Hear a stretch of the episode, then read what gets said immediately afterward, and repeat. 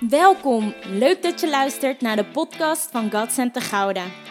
God Center Gouda is een jonge gemeente waar een ontmoeting met God centraal staat. Ons motto is Love God, Love People, Love Yourself. En deze week weer een inspirerende boodschap met Maarten van Duin in voor- en tegenspoed. Ik ben heel blij dat we hier mogen zijn. Dat we echt eh, volle bak eh, u mogen doordringen met het evangelie. En ik heb echt een speciale boodschap. Ehm, en ik ga er snel mee beginnen. Eh, van de week eh, zat ik in een. eh, ik heb dat vaak, dan zit ik in de Bijbel te lezen. En dan sta ik echt, sla ik echt tien keer bijna achterover. Dat ik echt denk: van wat lees ik hier in vredesnaam? Heb je dat ook wel eens? Iemand? Nou, in ieder geval drie mensen, dat is mooi. Ja. Nou, ik moedig je aan om nog wat vaker en dieper in het woord te gaan. Want er staan echt dingen in waar je soms echt helemaal van achterover slaat. En ehm, het thema van vandaag is de Heere God dienen in voor- en tegenspoed. Jullie waren natuurlijk erg benieuwd van wat dat dan precies is. Nou, we kennen denk ik allemaal, we hebben allemaal een beetje associatie met voor- en tegenspoed. Maar ik kwam bij iemand, en daar gaat straks de prediking over. Ja, die heeft het wel allemaal meegemaakt. En die maakte op basis daarvan ook bepaalde keuzes. Heb je dat wel eens, dat je gewoon keuzes kan maken? Er zijn omstandigheden, maar op een gegeven moment moet je dan een keuze maken. En dan denk je bij jezelf, dat doe je meestal, van doe ik er dan wel goed aan? Wie heeft dat wel eens? Doe ik, wel doe ik er wel goed aan? Oh, ik sta voor een heel moeilijk moment. En doe ik er dan goed aan om dit en dat te doen? En later blijkt dan hoe, dat, eh, hoe succesvol dat uitpakte. Nou, eigenlijk ehm, is het een thema waar ik al heel vaak of lang mee lo- rondloop. En dat, eh, dat thema zei ik al, het gaat over voor- en tegenspoed. Maar ik zat zo eens te denken, in deze wereld, waar eigenlijk alles is georganiseerd, toch? Heel veel dingen zijn georganiseerd. Je ziet het nu met de coronatijd. Heel veel dingen zijn best goed georganiseerd. En ik vroeg me zo af, ehm, wat is de, de rol van de Heere God in ons leven? Hoe vaak hebben wij en waarin hebben wij de Heere God nou zo echt keihard nodig? Dat is misschien een hele confronterende vraag. Want we hebben een mooi gezegd in Nederland: van de wieg tot het graf is alles geregeld. Eh, je sluit een verzekering af dat als je komt te overlijden, nou, dan komt er weer geld voor je partner beschikbaar. Als je failliet gaat, dan is er wel weer ondersteuning. Als er corona uitbreekt, dan komt er wel weer geld van de overheid. En eigenlijk is de overheid altijd maar die vader die bijna voor je zorgt. Heel raar is dat. Dus in tegenspoed eh, worden we bijzonder goed geholpen. Ehm, en worden we eigenlijk altijd wel weer een beetje op weg geholpen. Dus wat is de rol van de Heere God daarin? In hoeverre kan de Heere God in ons eigen leven werken en zijn we echt afhankelijk van Hem? Heb je dat wel eens afgevraagd? Hoe afhankelijk ben ik van God? Nou, ik hoor een en al aan mensen, dus dat gaat hartstikke goed. Dat is mooi. Ehm, maar nu, in het, in, als het heel, ehm, heel goed met je gaat, dat is een, een hele andere kwestie. Wie heeft dat wel eens? Dat als het zo goed met je gaat, dat je daar zit en denkt van, nou, ik heb eigenlijk alles gewoon prima voor elkaar. Dat gevoel, wie kent dat? In Gouda toch wel? Echt alles is gewoon hartstikke goed geregeld. Alle schaapjes op het droge. Je gezin functioneert. Het gaat allemaal gewoon prima. Het gaat goed misschien op je werk. Maar wat is de rol van de Heere God als het dan zo goed gaat? Wordt het dan moeilijker of wordt het makkelijker om op de Heere God te vertrouwen?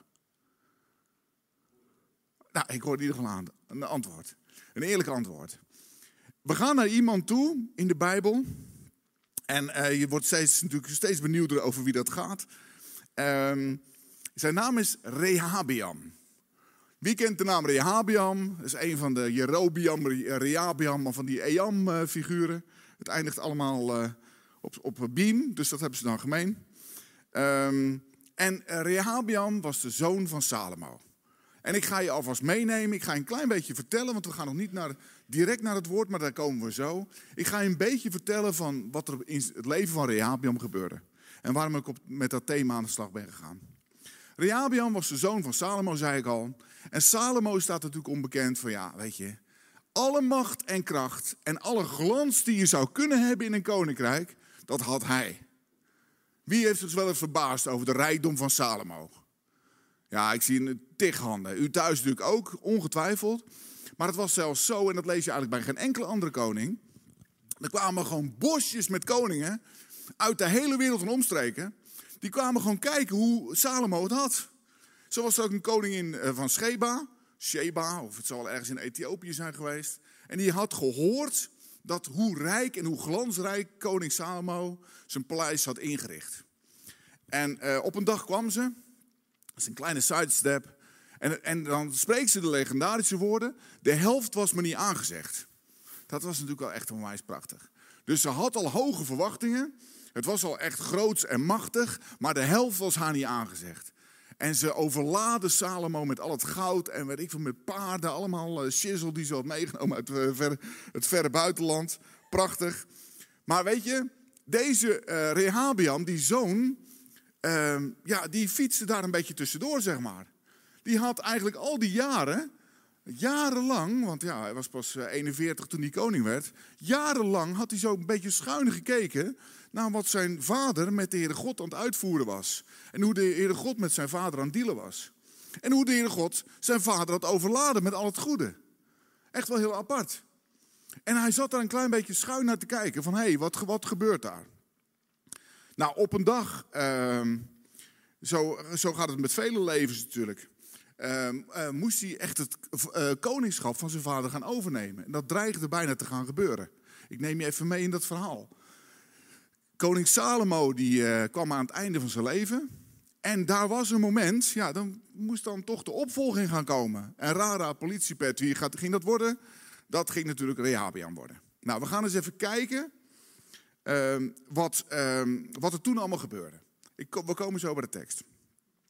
Op een dag, in die periode, kwam de inauguratie. U kent dat wel. De nieuwe president of de nieuwe koning, die wordt uh, die wordt daar gepresenteerd en die gaat koning worden. En uh, toen kwam er direct een vraag, dat is echt een heel bijzondere geschiedenis, lees het vooral in twee kronieken. Er kwam een vraag vanuit het volk van, uh, ja koning, luister, uw vader die heeft ons redelijk uh, ja, achter onze vodden gezeten, even vrij vertaald. Oftewel, wij moesten echt hard werken en een hoop belasting betalen aan uw vader. Hoe gaat u dat aanpakken? Wat gaat u nu doen? Want u wordt straks de koning. Nou, we zullen het niet hebben over allemaal mensen die daarbij betrokken waren. Reobiam, eh, allemaal tegenstanders. Daar komen we straks misschien een stukje op. Maar eh, de vraag is even, wat ging Rehabiam toen doen? Dus het volk stond daar voor hem, het was allemaal verzameld, heel Israël. En hij stond daar en de massale vraag was, gaan we het zwaarder of gaan we het minder zwaar krijgen onder uw bewind? Nou, wat zou u dan doen? En dan zal ik even meenemen, zijn vader was de meest wijze man die ooit heeft geleefd. Die heeft alle wijsheid heeft hij in pacht gekregen. Gewoon een gave van de Heere God. Hij had zich verzameld met allemaal wijze mensen. Omringd met allemaal wijze mensen. Wat ging Rehabiam doen? Nou, ik zal het niet helemaal vertellen. Of voorlezen de Bijbel. Maar ik kan je vertellen wat hij ging doen. Dat zegt de Bijbel. Uh, hij ging eerst met de oudste van het volk zitten. En de oudste van het volk zeiden van nou luister. Als je het zwaarder maakt dan je vader. Dan ga je ze waarschijnlijk verliezen. Maar als je het lichter maakt dan je vader, dan heb je ze gewonnen. Dat lijkt me niet echt hogere wiskunde. Vind je niet? Dat is een aardig uh, advies. Simpel. Wat doe je dan als jouw vader de meest rijke man was, of de meest wijze man was? Dan acht je ook die gasten, die, die ministers van hem, als wijs. En dan neem je daar iets van over. Nou, wat deed Rehabiam? Dat is echt interessant. Rehabiam was met wat vrienden opgegroeid. Ik, ik denk dat, ja, weet je, ik zie hem een beetje op zijn scootertje rondrijden. Weet je wel, en hij zo'n mooie, zo'n prachtig mooie glimmend scootertje. En met zijn vrienden was hij gewoon een beetje de man. Hij kwam natuurlijk uit een stinkend familie. Dus wat deed Rehabiam? Hij legde het advies naar zich neer. En hij ging naar zijn vrienden, zegt de Bijbel. Hij ging gewoon wat vrienden opzoeken. Nou, ik, ik, nodig je echt uit om vandaag te lezen wat er in twee kronieken staat over wat zijn vrienden zeiden. Ik ga het hier niet vanaf de kansel zeggen, want in de nieuwe Bijbelvertaling is dat best wel shocking. Maar het kwam erop neer van luister, ze zullen ervan lusten. Als jij gewoon uh, die gasten de knoet geeft en je geeft ze de volle bak en je gaat strenger zijn dan je vader, dan gaat het waarschijnlijk helemaal goed komen. Dit was het moment waarop die kon shinen, zou je zeggen. Dit was het moment waarin je eigenlijk kon zeggen van nou, alle DNA van mijn vader, dat is op mij neergekomen. Ik, heb een, ik neem een wijs besluit en dit gaat helemaal goed komen. Nou, hij komt terug bij dat volk, of dat volk komt terug bij hem. Dat moest drie dagen, na drie dagen terugkomen. En dat volk staat daar en wat zegt hij? Luister, jullie hadden een zwaar, uh, zwaar juk. Ik ga jullie nog een zware juk geven. Nou, dat was een erg interessante gedachte. Ik ga jullie een zwaarder juk geven. Hij dacht natuurlijk, dat volk komt toch wel achter mij aan. Maar niets is minder waar. Uh, het liep uit op één grote puinbende. Echt waar. Ik heb het even vrij vertaald, maar de echte Israëlieten die hadden zoiets van, joh, uh, jij komt uit het geslacht van David. Wat hebben wij met David te maken? Wat hebben we met die zoon van Izzy te maken? We, gaan, leggen gewoon dat hele bewind van jou naast, naast ons neer. Sterker nog, ze draaiden zich gewoon om en ze gingen gewoon weg. Het was gewoon, het was gewoon, joh, weet je, we hebben helemaal niks gemeen met jou en jouw hele koningschap en hetgeen waar je vandaan kwam. Hoi. En zo liepen ze letterlijk allemaal weg. En die koning stond daar. En toen bleven er nog maar een paar stammen over. In die end was het effect van het besluit wat hij had genomen, dat het tien of uh, tien twaalfde van het volk gewoon weg was. En dat hij maar koning over twee stammen was. Dus hij verloor in principe echt alles. Um, nou weet je, dan lezen we in de Bijbel, ik ga je even meenemen, het is interessant om dat te weten, want dan weet je een beetje hoe de voorgeschiedenis was.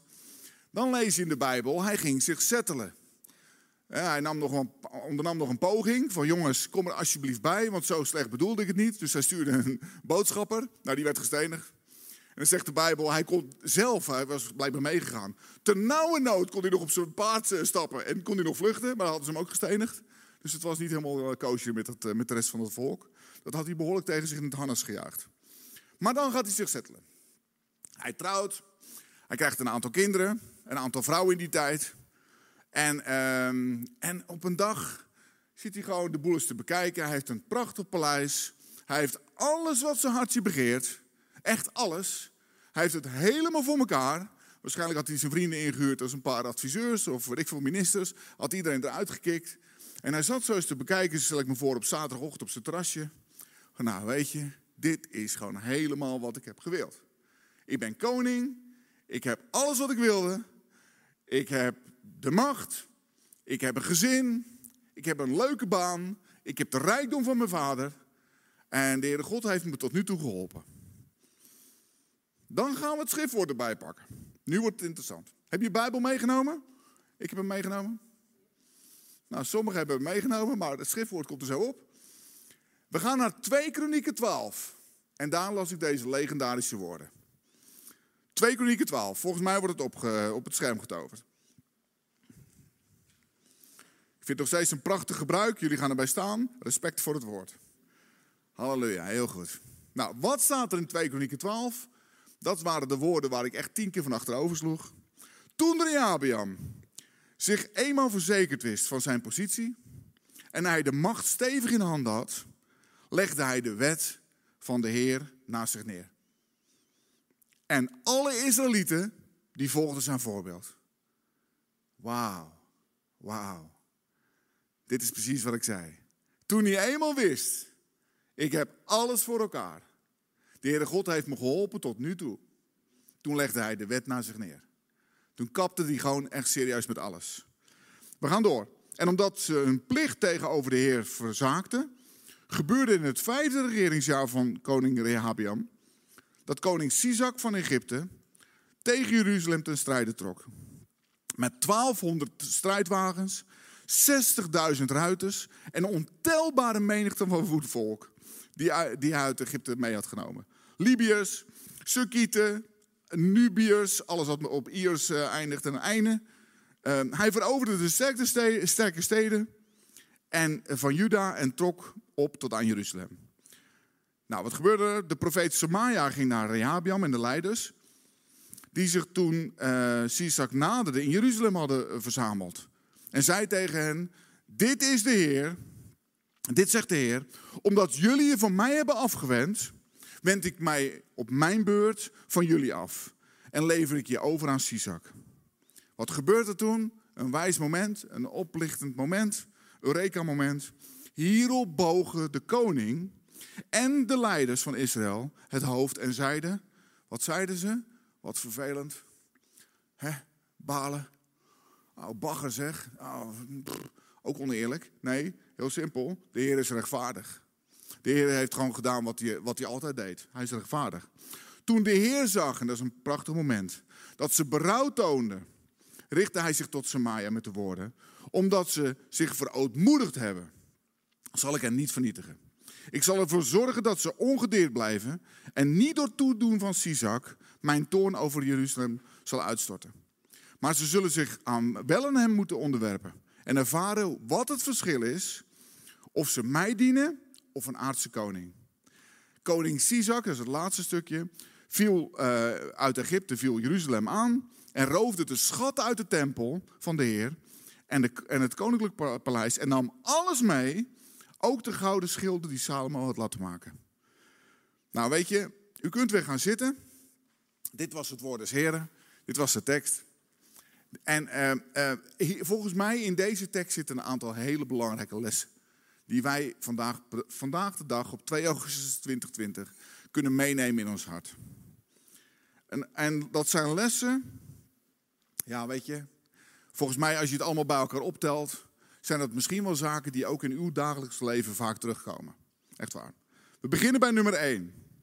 Hij, hij zegt in, in eh, vers 1 dat, dat hij de wet. Kan je je voorstellen trouwens? Kan iemand zich dat voorstellen als je dat nu zo leest? Kan iemand zich voorstellen? Gewoon dat je denkt van, nou weet je, oké, ik ben tot hier toe gekomen, mooi. De Heere God heeft ons hier toe geleid. En hij zegt gewoon ijskoud, hij legde de wet van de Heer gewoon naast zich neer. Hoi, mazzel. Daar kunnen we mooi zonder, want ik zit hier toch al. Ik ben al koning. Eigenlijk wat hier staat, is dat hij de Heer Jezus overboord gooide.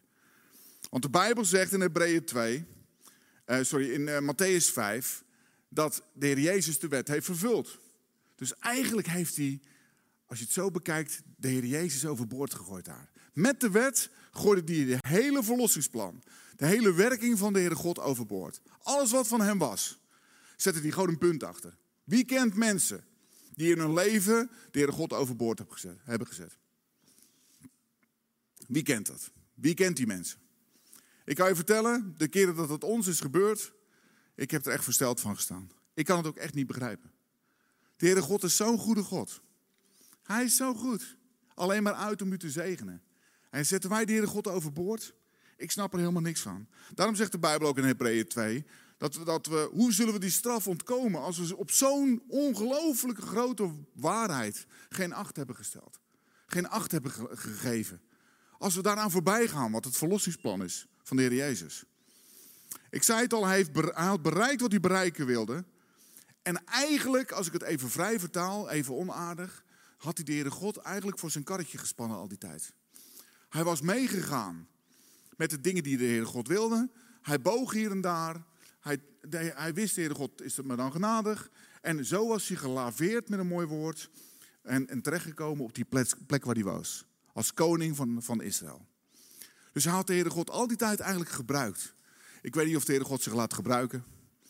Maar hij had de Heere God hij had het voorwendsel gebruikt als om te doen alsof hij de Heere God nodig had. Maar in die end was hij van plan afscheid te nemen.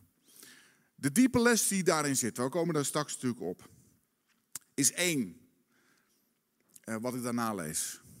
Het hele volk deed hetzelfde.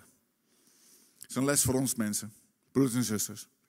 Als jij denkt de Heere God opzij te kunnen zetten, zonder dat het effect heeft op de mensen om je heen. Als jij denkt van joh, weet je, ik heb het er mee gehad, ik heb zoveel meegemaakt. Ik kap met die onzin. Weet één ding, dat als je een gezin hebt, dat jouw kinderen niet anders zullen doen. Dat jouw kinderen jouw voorbeeld zullen volgen. Zoals Israël, heel simpel, het voorbeeld volgde van de koning. Zo jij ook als vader. Vaders en moeders, realiseer. En ook al ben je hier alleen, realiseer dat als jij die keuze maakt, dat dat ook voor de mensen geldt die aan jou toe zijn vertrouwd. Die buren, die kennissen, vrienden, mensen die weten, jij dient de Heere God, maar op een dag niet meer. Wat is dat voor een verhaal? Vaders en moeders. Vandaag, ik ben, wij, zijn wij zijn ook vaders en moeders. Of vader en moeder. En eh, ik weet als geen ander. Het is echt zo. Zoals de Bijbel ook hier vertelt. Er zijn mensen aan ons toevertrouwd. En die mensen kijken naar ons. Bij alles wat we doen. Soms heb ik dat helemaal niet door, weet je dat? Soms heb ik dat helemaal niet door. Onze oudste zoon is 28. Die heet toevallig ook Maarten vandaan. En uh, Maarten die, uh, heeft wat moeite, zeg maar, om, um, om de weg van de Heere God echt te gaan. Dat vindt hij lastig. Dat vindt hij gewoon echt moeilijk. Uh, want er zijn zoveel dingen om hem heen die hij die die ook graag wil. En, en wij geloven, hij gaat op dat punt snel komen waarin hij die volle keuze maakt om hem echt te dienen. Maar op een dag zaten wij aan tafel. En ik vraag vaak feedback. Wie vraagt wel eens feedback aan iemand? Of, ja? Wij worden trouwens overladen door feedback, hè? altijd. Kom je op je werk, dan geven ze je feedback. hey, ik wil je even feedback geven.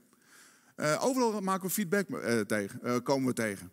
Maar het rare is, in ons huwelijk vragen we geen feedback. Dat is een beetje persoonlijk. En als ouders, ik zie daar een leuk gezin zitten, ja, is het een beetje lastig om feedback te vragen. Want ja, wat gaat die gasten zeggen? We zaten om tafel. En wel naar een rondje van de zaak, zo noem ik het altijd. En ik vroeg zo aan Maarten. En we, zaten, we hebben zes kinderen in totaal, inclusief een paar pleegkinderen. En Maarten was al, ik denk dat hij zeker eh, 3, 24 was, een paar jaar geleden. En ik vroeg aan Maarten, Maarten, luister kerel.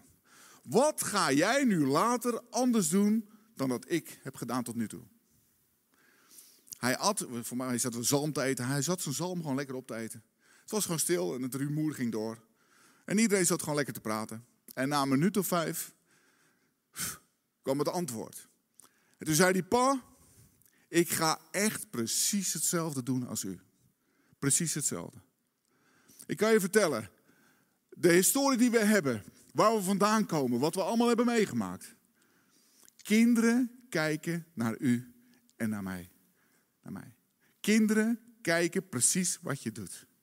Kinderen van jongs af aan zijn alleen maar aan het kijken van hoe jij reageert, wat jij doet. En dit soort besluiten, welk besluit dan ook, het bij een kind komt dat heel diep binnen. Dit kind van ons, dat maakt een besluit, ik kon het echt niet geloven. Tranen vloeiden over, maar ik moet, ja, dan zit ik aan tafel en dan, uh, weet je, dan hebben die meiden al door van oh, mijn vader die uh, vindt het heel uh, moeilijk. Probeer ik dat een beetje te maskeren hier daar ga ik wat water halen of zo. Maar dat raakte me echt, dat raakte mijn hart heel diep. Tot de dag van vandaag. Omdat ik weet wat, voor weg het heeft, wat er weg voor nodig was om tot dat besluit te komen. Maar hij ziet de vrucht. Hij ziet wat het voortbrengt. En de vrede en de genade en de liefde van de Heere God in ons leven. Waarom zou je daaraan voorbij gaan? Hij wil precies hetzelfde. Ook voor zijn kinderen. Prachtig. Nou weet je, ik vroeg me ook af, wanneer deed Rehabiam dit? Wanneer maakte hij dat besluit? Wanneer, wanneer kwam hij tot dat besluit? Eigenlijk toen hij, heb ik al gezegd, toen hij alles voor elkaar had in zijn leven. En hij de macht stevig in handen had. Hij was gewoon de baas. Hij zat er lekker warmpjes bij. Alles zat er mee. Ik denk dat hij gewoon Tesla had gekocht een jaar geleden. Weet je, hij had net Tesla gekocht. En de beurskoers die was gewoon zes keer zo hoog geworden of zeven. Of eh, zijn bitcoins gingen goed. Hij zat gewoon helemaal, gewoon cool met zijn hele portefeuille. Zat hij gewoon helemaal senang met een mooi woord. Oftewel, hij zat er heel warmpjes bij. Hij maakte het eigenlijk in de top van zijn bestaan, dat besluit. Uh, maar hij vergat één ding. Weet u wat de Bijbel zegt hoe wij aan die overvloed komen? Weet u wel wat de Bijbel zegt over de, de kracht die wij hebben om ons werk te kunnen doen? Van wie komt die kracht, zegt de Bijbel? Van wie? Uit uzelf of zo? Zijn wij zo krachtig? De Heere God, zegt de Bijbel, geeft ons kracht om ook onze arbeid te doen. Om ons werk te doen, om dat geld te verdienen. Dus ook dat nog eens een keer is van de Heere God. Dus wat was die man vergeten? Ik snap er ook echt helemaal niks van. Komen we achter een dieper motief. Wat was eigenlijk het diepere motief daarachter? En dat is misschien wel een hele belangrijke, een van de belangrijkste lessen voor vandaag. Deze man had alles gezien en meegemaakt van wat zijn vader, koning Salomo, had gedaan. Alles had hij gezien. Hij had het op een afstandje bekeken. En ik zei het al, die extreme wijsheid, hoe is dat geweest? Er komen er gewoon mensen aan het hof die hebben een probleem. En misschien zat hij in de coulissen. Zat hij gewoon eens te bekijken van, jij pa, nou, ik ben benieuwd hoe je dat op gaat lossen. Er komen een paar, uh, een paar dames die beweren allebei dat het kind van hen is. Hoe, hoe ga je dat in vredesnaam oplossen? En, en misschien zat hij gewoon zo te kijken van hoe gaat, hoe gaat het gebeuren. Maar keer op keer zag hij dat de wijsheid van de Heere God ongelooflijk wonderen ging, wonderen ging doen. En bijzondere uitkomsten gaf. Ik denk ook, ik schreef op, zelfs iemand met één levende hersencel zal toch wel snappen dat je de Heere God keihard nodig hebt. Toch? Dat je gewoon niet zonder kan. En dat de Heere God gewoon altijd overal in voorziet. Maar ik zei het al, hij reed op zijn scootertje rond. Die gasten bulkten van het geld. Dus het kon hem eigenlijk hartstikke aanwaaien. Het was allemaal heel makkelijk voor hem. En ik denk ook, en dat is de dieperliggende gedachte, hij keek naar dat geloof van wat zijn vader had. En eigenlijk, uh, met een oud Nederlands woord, boogde hij op dat geloof. Dat betekent, hij leunde op het geloof van zijn vader. Hij leunde op het geloof van die ander. Het is hem nooit echt eigen geworden. Dat is wat ik denk. Dat is de achterliggende gedachte. En ik herken dat voor een deel. Hij, heeft toegekeken, maar hij heeft het zich nooit echt eigen gemaakt. Het was het geloof van de ander. Het geloof van die oma. Het geloof van die vader en van die moeder en van het hele christelijke opaatje. Waar we dan zo warm van worden. Oh, wat is die gelovig. Wij komen zelf uit, de, uit een hele. Ehm, eh, uit de hervormde uh, gemeente in Katwijk. En ik herken daar een groot deel van. Dat als daar heel gelovige mensen waren, keek ik daar heel erg tegen op. Dacht ik van zo, die is gelovig. Dat is gaaf zeg, om zo te zijn, mooi. Maar ik nam nooit het besluit om dat zelf ook te gaan doen. En ik denk dat Rehabiam ook zo'n figuur was. Dat hij het wel zag van een afstandje, maar dat hij nooit het besluit nam om zelf ook dit te gaan doen. En tegen de Heere God te zeggen, Heere God, zoals u mijn vader voorzag, voorzie ook mij. Zoals u mijn vader met van wijsheid voorzag, voorzie ook mij. Maar hij bewonderde misschien wel die wijsheid en vond het allemaal wel prachtig.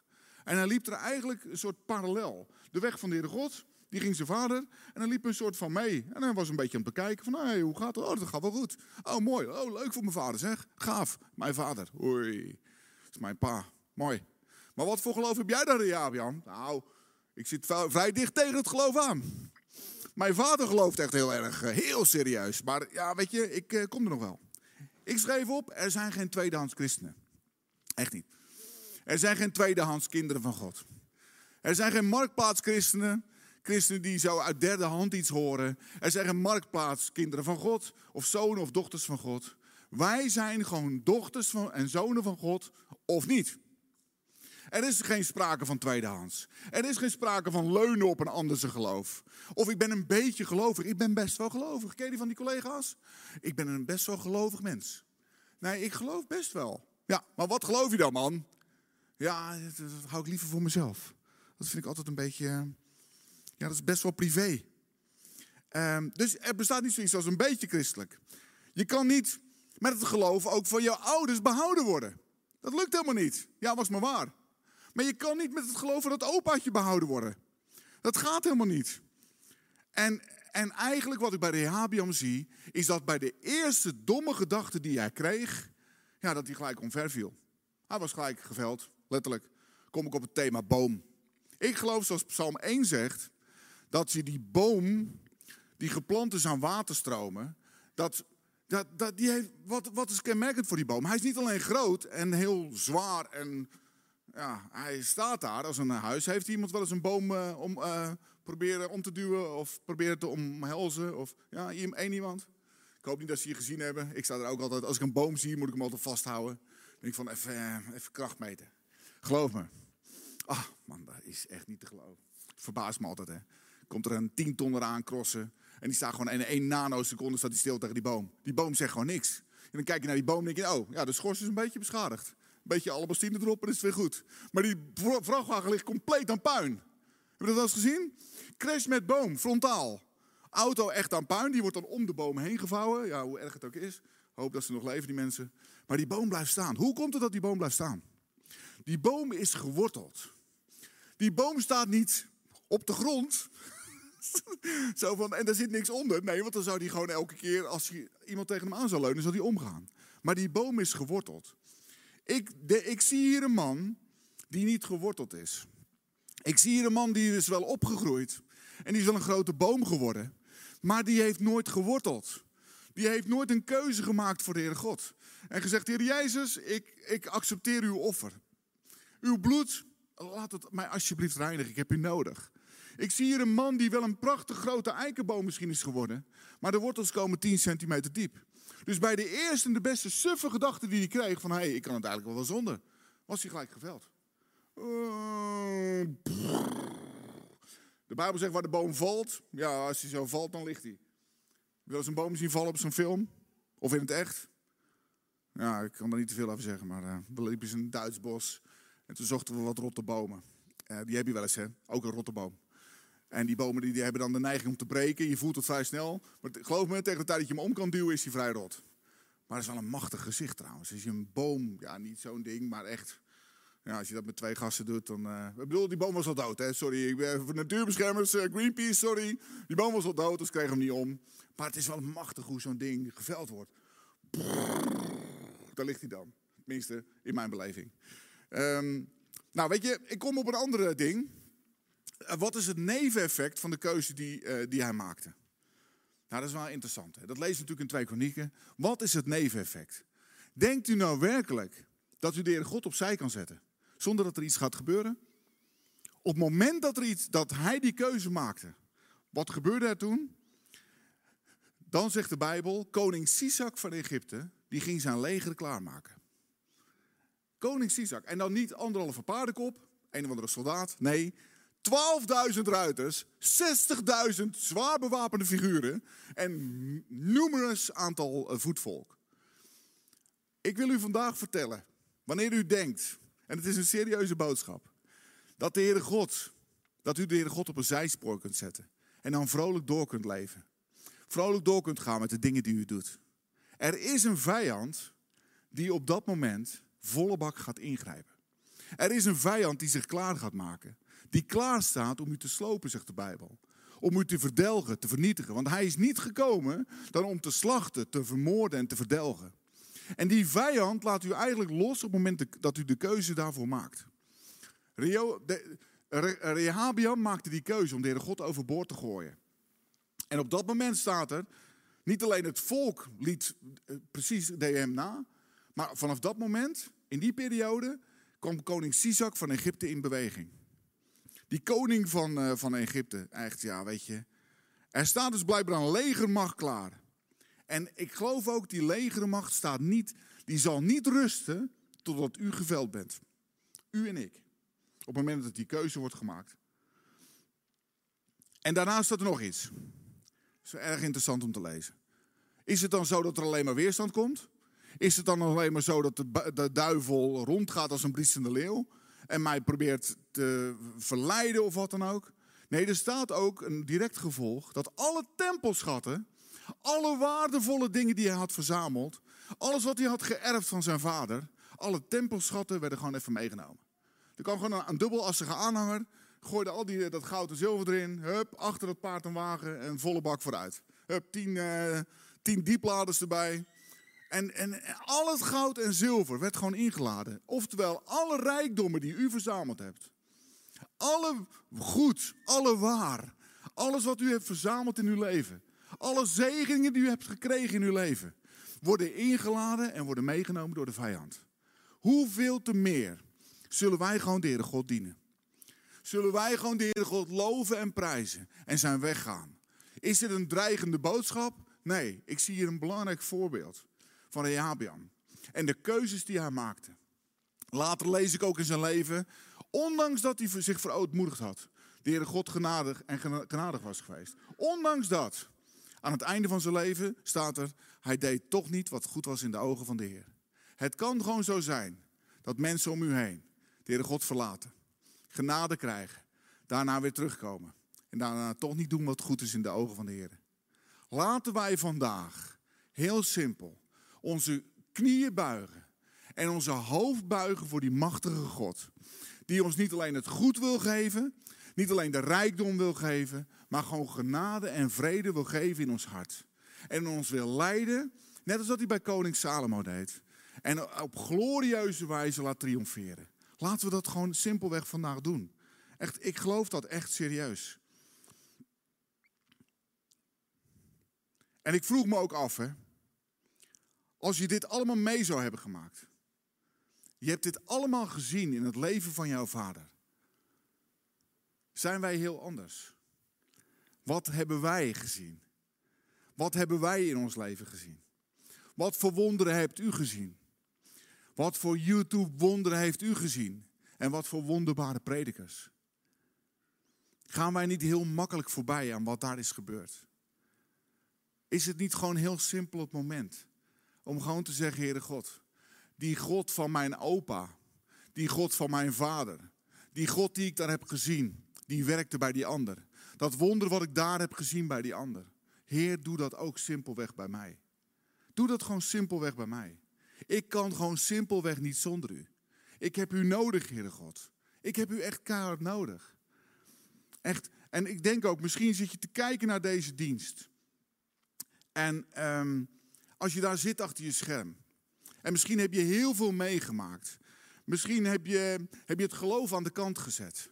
En heb je die God net als Rehabiam gewoon overboord gekieperd. Jaren geleden.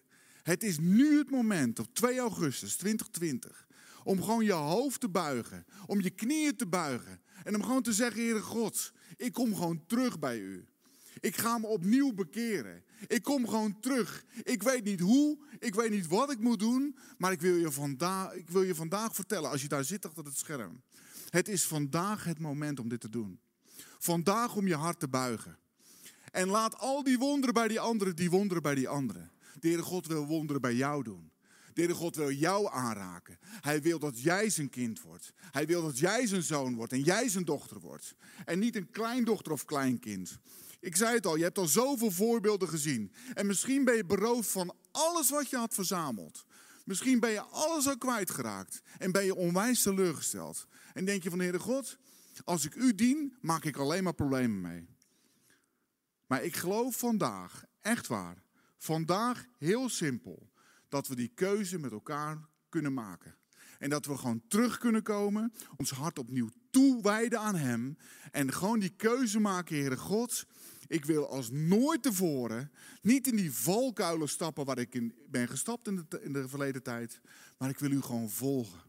En Heer, doe met mij. Doe met mij wat u bij, met koning Salomo deed. Doe met mij wat u met David deed. Maar u doet het voor mij. U wilt het ook voor Maarten van Duin doen. Voor mij. Nietswaardige pepernoot. Gewoon een kerel. Gewoon iemand. Maar u wilt het gewoon simpelweg voor mij doen. Ik wil u vandaag vragen. Maakt niet uit waar je vandaan komt. Maar buig je hoofd op dit moment. En sluit je ogen.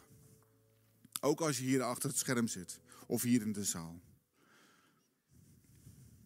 Buig je, buig je hoofd. En als de muziek gaat spelen.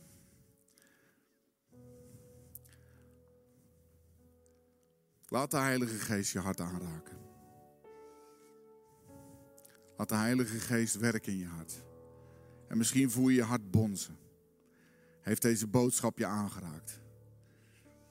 Ben je er warm van geworden omdat je zo boos bent dat er stomme besluiten zijn genomen? Maar ook in je eigen leven. Simpelweg in je eigen leven. Heer, ik was vol met zonde. En misschien ben je dat nog. Misschien ben je dat nog en zit je achter het scherm. En denk je, deze boodschap is gewoon voor mij. Ik heb u overboord gegooid, Heere God. Om allemaal redenen. Om allemaal verleden. Allemaal, om allemaal andere dingen. Maar ik kan je vandaag vertellen. De Heere God is een goede God. Hij is goed. Hij is goed. Hij is goed. Hij is goed. Hij is genadig. Hij is liefdevol. Hij is trouw. Hij is er altijd voor jou. Hij laat je nooit in de steek. Echt nooit. Nooit. Het bloed van de Heer Jezus heeft gestroomd. We hebben het avondmaal gevierd. Maar als je hier zit in de zaal en denkt van ja, deze boodschap is gewoon voor mij. Ik heb dat geloof gezien van die ander. Ik heb dat geloof gezien van ver weg. En ik schuurde wel tegenaan. Maar toch, ik wil dit persoonlijk maken. Heere God, ik wil dit zelf. Ik wil dat zelf voor mij. Ik wil dat u mijn vader bent. De vader staat hier met open armen. Om u gewoon te verwelkomen. Om u gewoon in zijn armen te sluiten. Om gewoon in zijn nabijheid, in zijn tegenwoordigheid te roepen. Om te omhelzen. Zoals die verloren zoon, die vader bij die verloren zoon. Had hij hem omhelsde en kussen gaf. Gewoon kussen. Hij hield niet op met kussen. Hij omhelsde hem. En zo wil ik je vandaag oproepen om je hoofd te buigen. En het eenvoudige gebed met mij mee te bidden. Heere God, ik heb uw boodschap gehoord. Ik wil u danken voor uw goedheid. En roep het met luide stem, broeders en zusters. Ik wil u danken voor uw goedheid. Dat u mijn God wilt zijn. De God van Abraham, Isaac en Jacob. Ik heb het misschien helemaal verbruikt. Ik heb er een bende van gemaakt in mijn eigen leven. Maar de Heere God vandaag, verootmoedig ik mij. Buig ik mijn knieën. Buig ik mijn hoofd. En buig ik mijn hart. Heer Jezus, zie je om naar mij. Ik geloof dat u bent gestorven aan het kruishout voor mij.